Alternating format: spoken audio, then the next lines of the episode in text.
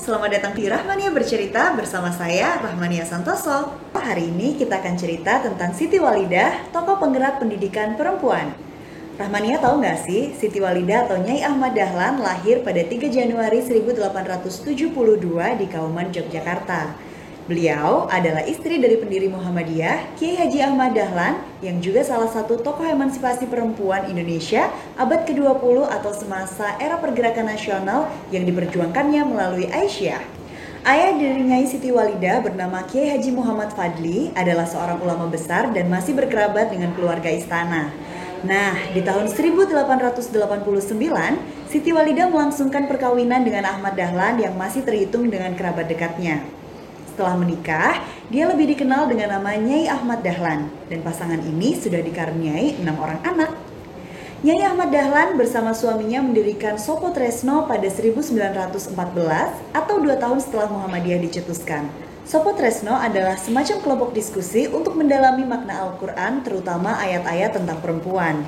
Selain itu, Sopo Tresno juga menjadi wadah bagi kaum perempuan untuk belajar membaca dan menulis serta mempelajari berbagai ilmu pengetahuan. Sopo Tresno akhirnya semakin besar dan anggotanya pun kian bertambah. Maka diputuskan untuk mengganti nama perkumpulan ini dengan Aisyah yang diresmikan pada 22 April 1917. Nyai Ahmad Dahlan juga ditunjuk secara langsung sebagai pemimpin dari Aisyah. Di tahun 1922, Aisyah resmi menjadi bagian dari Muhammadiyah secara organisasi. Berdirilah kemudian sekolah-sekolah khusus perempuan di bawah naungan Aisyah ini. Nyai Ahmad Dahlan pun semakin giat untuk memperjuangkan emansipasi wanita. Dia termasuk seseorang yang tidak setuju dengan konsep patriarki dan menilai seorang istri adalah mitra bagi suaminya. Nyai Ahmad Dahlan juga menentang praktik kawin paksa. Pada tahun 1923, Kiai Haji Ahmad Dahlan pun wafat. Nyai Ahmad Dahlan melanjutkan perjuangan suaminya, baik di Aisyah maupun Muhammadiyah. Pada 1926, ia bahkan memimpin Kongres Muhammadiyah ke-15 di Surabaya. Nyai Ahmad Dahlan adalah wanita pertama yang memimpin pertemuan besar seperti ini. Kiprahnya pun terus diberitakan oleh berbagai surat kabar kala itu. Mengiringi Muhammadiyah yang kian berpengaruh dalam nuansa pergerakan nasional, Aisyah juga semakin besar. Anggotanya semakin bertambah banyak, maka dibukalah cabang-cabang Aisyah di berbagai daerah di Indonesia. Nyai Ahmad Dahlan pun memimpin Aisyah hingga tahun 1934. Sejak awal 1942, wilayah Indonesia bukan lagi di bawah penjajahan Belanda, digantikan oleh pemerintahan militer Jepang. Namun, Aisyah kemudian dilarang oleh pemerintah Dai Nippon pada tahun 1943. Meskipun demikian, Nyai Ahmad Dahlan tak lantas diam. Dia bekerja di sekolah-sekolah bentukan Jepang agar bisa mendidik langsung anak-anak Indonesia.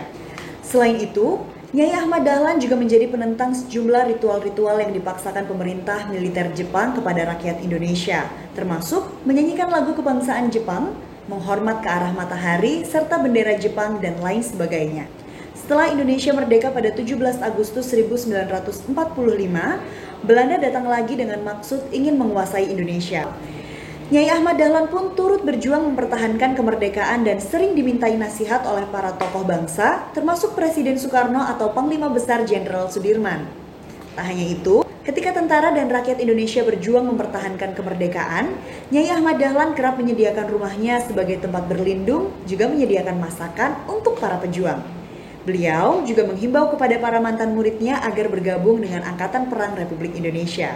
Nyai Ahmad Dahlan pun meninggal dunia di Kauman, Yogyakarta pada tanggal 31 Mei 1946 di usianya yang ke-74 tahun. Pemakaman jenazahnya di lingkungan Masjid Gede Kauman dihadiri oleh sejumlah tokoh nasional juga para menteri yang mewakili pemerintahan Republik Indonesia.